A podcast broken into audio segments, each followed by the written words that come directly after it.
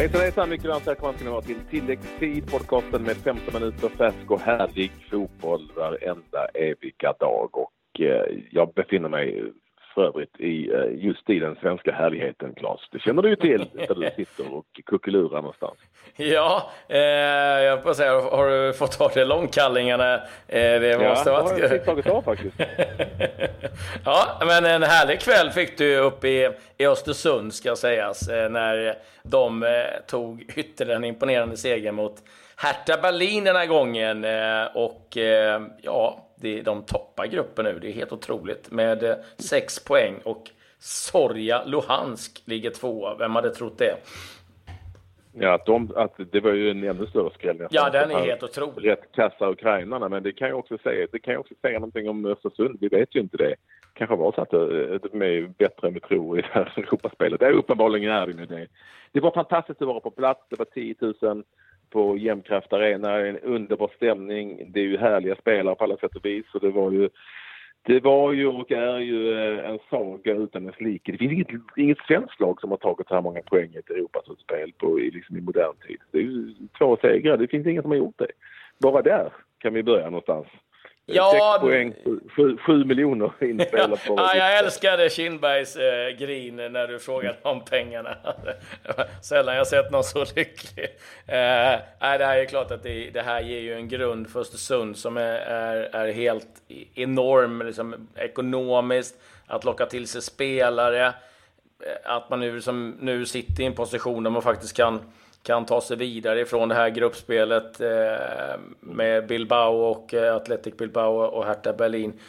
Så ja, nej, det, där, det är helt... Eh, eh ja, alltså, det är nästan så här ofattbart. Samtidigt, samtidigt måste man ju vara så ärlig och säga att eh, Europa League är ju en, en eh, konstig turnering på många sätt. På det sättet att, liksom att du vet aldrig riktigt vilket, vilka lag som eh, kommer, hur eh, hur de tar sig an turneringarna och sådär liksom, för man kommer i slutskedet. Men det, det förtar ju inte Östersunds prestation på något sätt. Nej, alltså det är första gången som Östersund spelar matcher i Europa överhuvudtaget. Ja, precis. Det, det får vi inte glömma. De har eh, hållit nollan mot Pauk Saloniki hemma. De har hållit nollan eh, borta i Ukraina. De har hållit nollan mot Hertha Berlin det är ändå ett Bundesliga-lag som förvisso saknade tre, fyra spelare men ändå ett mittenlag i Bundesliga eh, med spelare som man har hittat på soptippen i princip och satt ihop. Det går ju alltså det, än en gång, det blir bara mer och mer imponerande. Och jag tycker det är häftigt att se eh, vi nämner ju oftast de här eh, stora spelarna, eller stora, men de är som Janola, Margero och, och Ghoddos och Sema som är uttagen i landslaget. Idag tyckte jag Idag tyckte jag än, än en gång eh, såklart att Bachirou är ju en fantastisk spelare på, på mitten. Men även, jag gillar ju även mittbacksparet eh, Pettersson Papagiannopoulos. Och Papagiannopoulos blev bara bättre och bättre. Han var helt osannolik och räddade väl Östersund tio gånger kändes det som i straffmålet när det kom in höga bollar. Så, eh, och Nori Burman Nouri också bra med straffmål och allt, även om han var lite besviken. Och det är också intressant, som jag eh, har påpekat innan, Papagiannopoulos och Burman Nouri är bägge födda i Stockholm. Bara en mm. sak. Ja, nej, det är så de, ja, de har ju varit eh, otroligt skickliga på att eh, hitta rätt. Jag menar, som du nämnde ju Tom Pettersson som vi har varit med här tidigare som hade svårt att mm. hitta rätt i IFK Göteborg. Liksom, eh, jag menar, han var uttagen i, i veckans lag förra gången i Europa League och tagit eh, eh, och varit riktigt bra och hittat rätt. Och, och, det är det de har gjort eh, bra i Östersund. Det är ju bara eh, att lyfta på hatten. Så att, eh, kul och spännande att följa dem. Eh, fortsättningsvis. Eh, vi kan nog konstatera att inget av lagen framöver kommer att underskatta Östersund i den där gruppen. Så och, mycket är Och det tror jag inte att Hertha Berlin gjorde heller. Nu hade, alltså, Östersund hade lite flyt, men de kunde också gjort ett par mål till Östersund. De hade lite flyt såklart i, i, i vissa lägen och så, som man ska ha. Men jag tror inte att Hertha Berlin underskattade... De hade gett skarpt ut på två, tre matcher. Jag tror inte de hade underskattat Östersund överhuvudtaget. Eh, men de nej, men jag, tror, jag, jag, tror alltså att som spelare, det vet du själv, man säger så här, nej vi underskattar ja. inte, sen mm. kan det krypa in lite grann, men det här kommer lösa Särskilt som det såg ut första kvarten. För där var Hertha Berlin ja. riktigt bra. Jo, och, och, då kan det bli lite så här, eh, ja, att det smyger in sig lite, men det här löser sig. Och sen så ja, mm. gör det inte det. Men eh, skitsamma, Östersund vann 1-0 och eh, du har eh, träffat segerskytten, eller hur? Jag vet vad klass jag fick en eh, pratstund med Bulvan Nouri, eh, matchhjälten, eh, efter att ha gått igenom hela mixade zonen här. Det är ju Europaspel nu, de är ju lite de är heta, det är mycket nu. Ja, fan det är mer än vad det brukar. Mer än vad det var i uh, Superettan. ja, jag förstår det.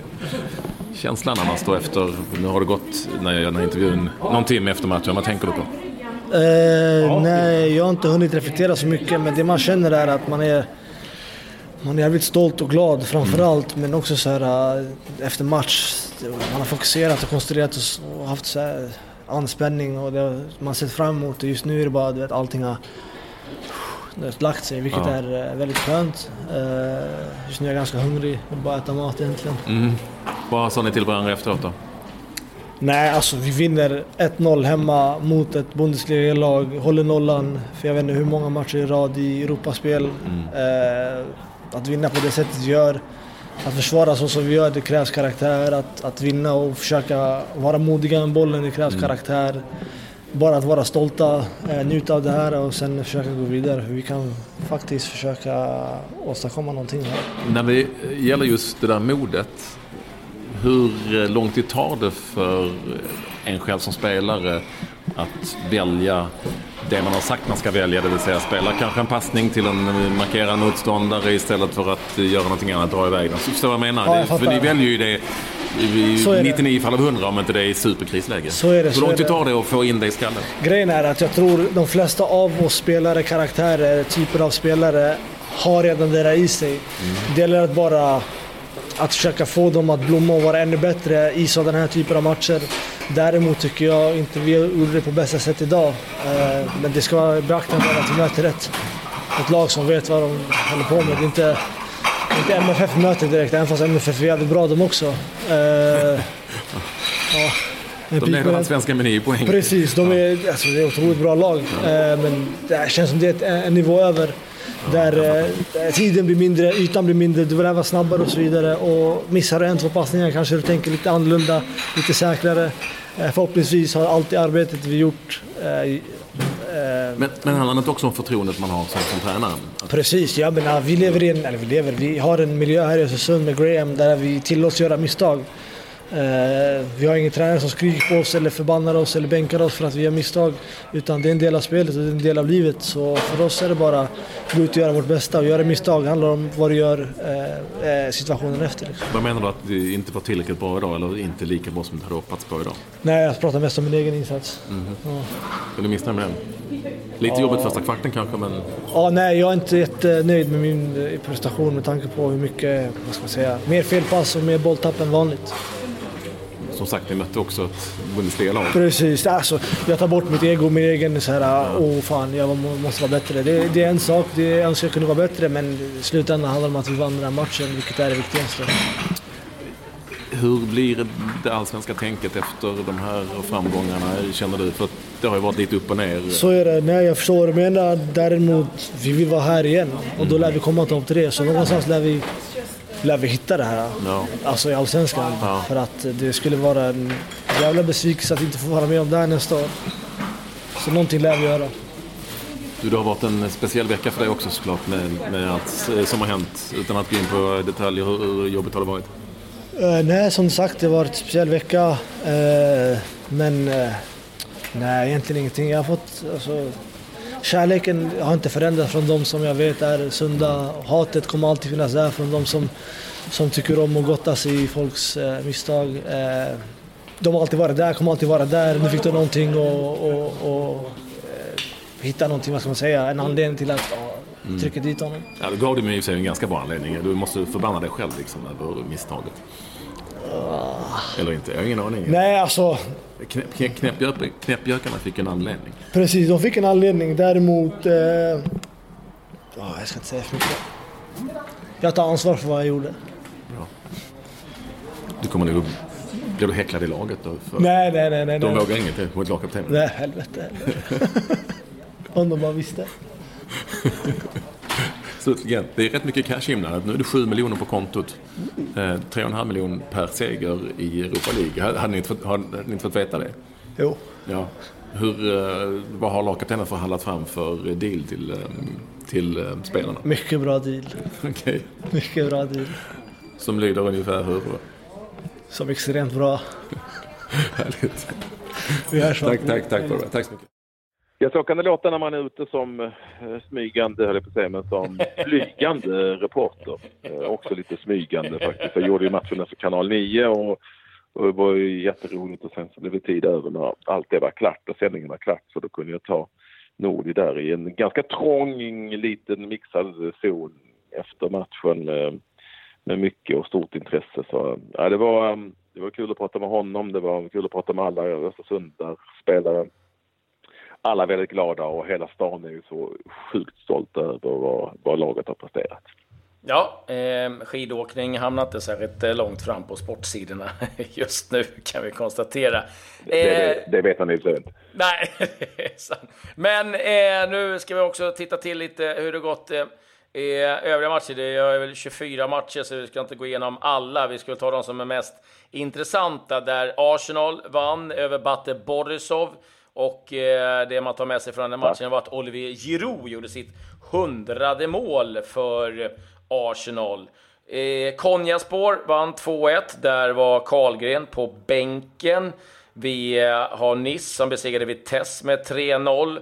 Eh, Rosenborg vann mot eh, Vardar med 3-1. Sen var det en riktig rysare i Milano där Milan ledde länge, men eh, Rijeka kom tillbaka. Men eh, på tilläggstid gjorde unge Cutrone 3-2 för Milan och seger där.